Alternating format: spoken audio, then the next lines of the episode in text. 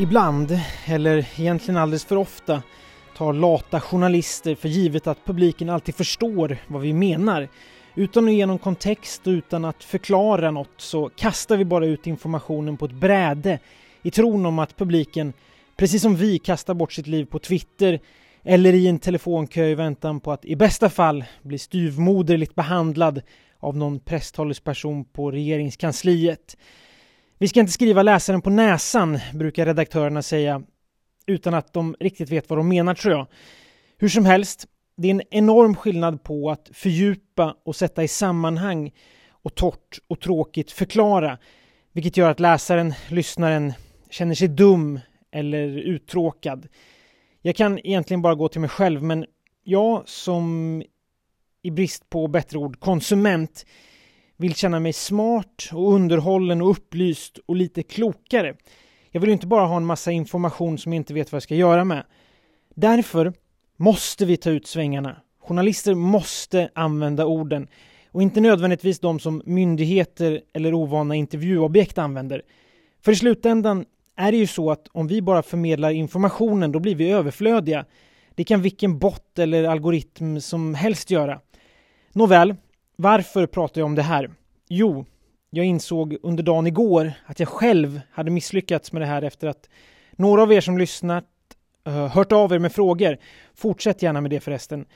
Det handlade om det nya dekret som regeringen Meloni genomförde i Italien i måndags och som innebär att det blir straffbart att arrangera rave, det vill säga ockupera en plats eller en lokal, privat eller offentlig, för att spela technomusik och dansa.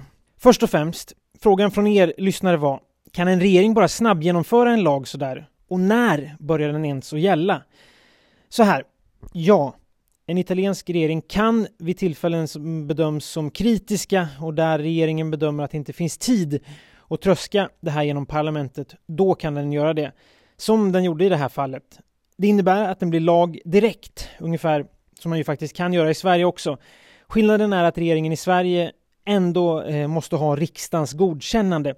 Alltså regeringen lägger fram en proposition men av säkerhetsläget eller liknande så beslutar riksdagen om kortare motionstid som man gjorde flera gånger under pandemin till exempel.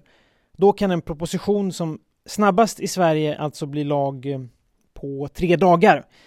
Med det sagt, tillbaka till Italien. För det som händer nu efter att regeringen beslutat om det här dekretet, alltså att göra det straffbart och arrangera rave, så måste parlamentet godkänna det inom 60 dagar för att det här ska bli lag på riktigt. Vilket inte borde bli allt för svårt eftersom regeringen har egen majoritet i parlamentet. Men å andra sidan är 60 dagar en hel evighet i italiensk politik. Puh. Så var det med den saken. Nu rullar vi jingel. Det här är Tidningskrönikan come i dervisci turno che girano sulle spine dorsali al suono di cavigliere del katakali. Det är den 2 november, i en lägenhet i Rom sitter jag, Filip Jakobsson och föga förvånande har det ju kommit en herrans massa reaktioner på Melonis regeringsdekret. Jag vet inte ens vart jag ska börja. Vänstertidningen Il Fatto Quotidiano alltid framåtlutad måste jag säga på sina ettor. De har rubriken Melonis första självmål, fängelse för kidsen, ny lag skriven med fötterna. Och går vi in i tidningen så hittar vi flera kommentarer, både från femstjärnerörelsens Giuseppe Conte som säger att det är en fara för demokratin. Kritikerna mot den här nya lagen menar ju att den är skriven på ett sådant sätt att den skulle kunna användas mot nästan alla typer av folksamlingar där det finns fler än 50 personer. Sen fortsätter fokuset från vänster på att det här ravet som avbröts i helgen arrangerades samtidigt som en fascistisk manifestation tilläts fortsätta, inte många mil därifrån. Men här måste jag lyfta fram högertidningen Libro som idag publicerar ett antal bilder på fascistiska manifestationer som arrangerades när vänstern satt vid makten med rubriken Kolla här är de fascistiska demonstrationerna som Socialdemokraterna alltid har tolererat. Och ingressen, sossarna och femstjärnerörelsen attackerar den nya regeringen för fascistnostalgikernas kortege i Predapio. Det var ju där den hölls nu i helgen. Men de genomfördes även när vänstern själva satt vid makten. Så varför skriker de bara just nu? Alltså det här är ju enkel klassisk journalistik där det lätt blir kejsarens nya kläder. Jag tänker kanske framförallt på de många klipp vi såg i somras på Ulf Kristersson när han säger att han aldrig, aldrig kommer att kunna samarbeta med Sverigedemokraterna.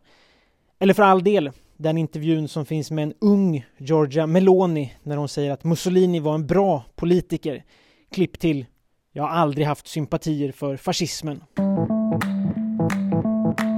Vi har pratat tillräckligt om det brasilianska valet, men det är faktiskt så att även idag tillägnar många tidningar stort utrymme till valet i söndags i världens fjärde största demokrati. I El País kan vi konstatera att Jair Bolsonaro till slut pratade om valförlusten igår. Däremot erkände han inte förlusten, skriver den spanska tidningen.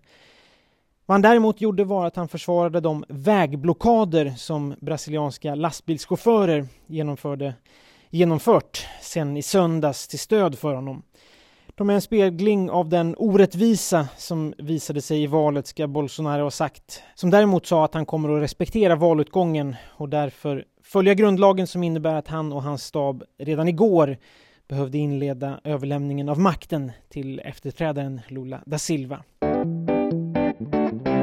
På sida 4 i Le Figaro hittar vi en intressant artikel om energisituationen i Frankrike med rubriken Kärnkraft. Regeringen vill snabba på byggandet av nya reaktorer. Låt oss påminna oss om att Frankrike idag har 56 reaktorer fördelade på 18 kärnkraftverk. Runt 70 procent av Frankrikes elproduktion kommer från kärnkraften. I Sverige är den siffran runt 30 procent. I alla fall, nu ska den franska regeringen försöka få till en ny lag som ska snabba på processen för nya reaktorer.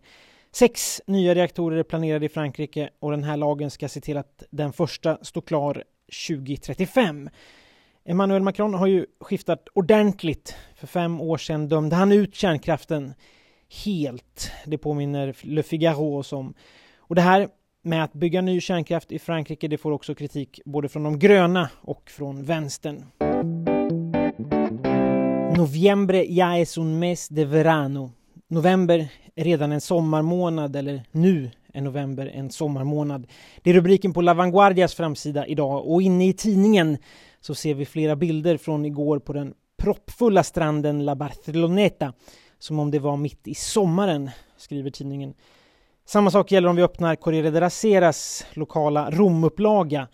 Där är det bilder från Ostias stränder, alltså den staden som ligger några mil väster om Rom, dit romarna enkelt kan ta pendeltåget för att bada. Något som till exempel jag gjorde i helgen. Corriere har rubriken Värmen som inte ger sig.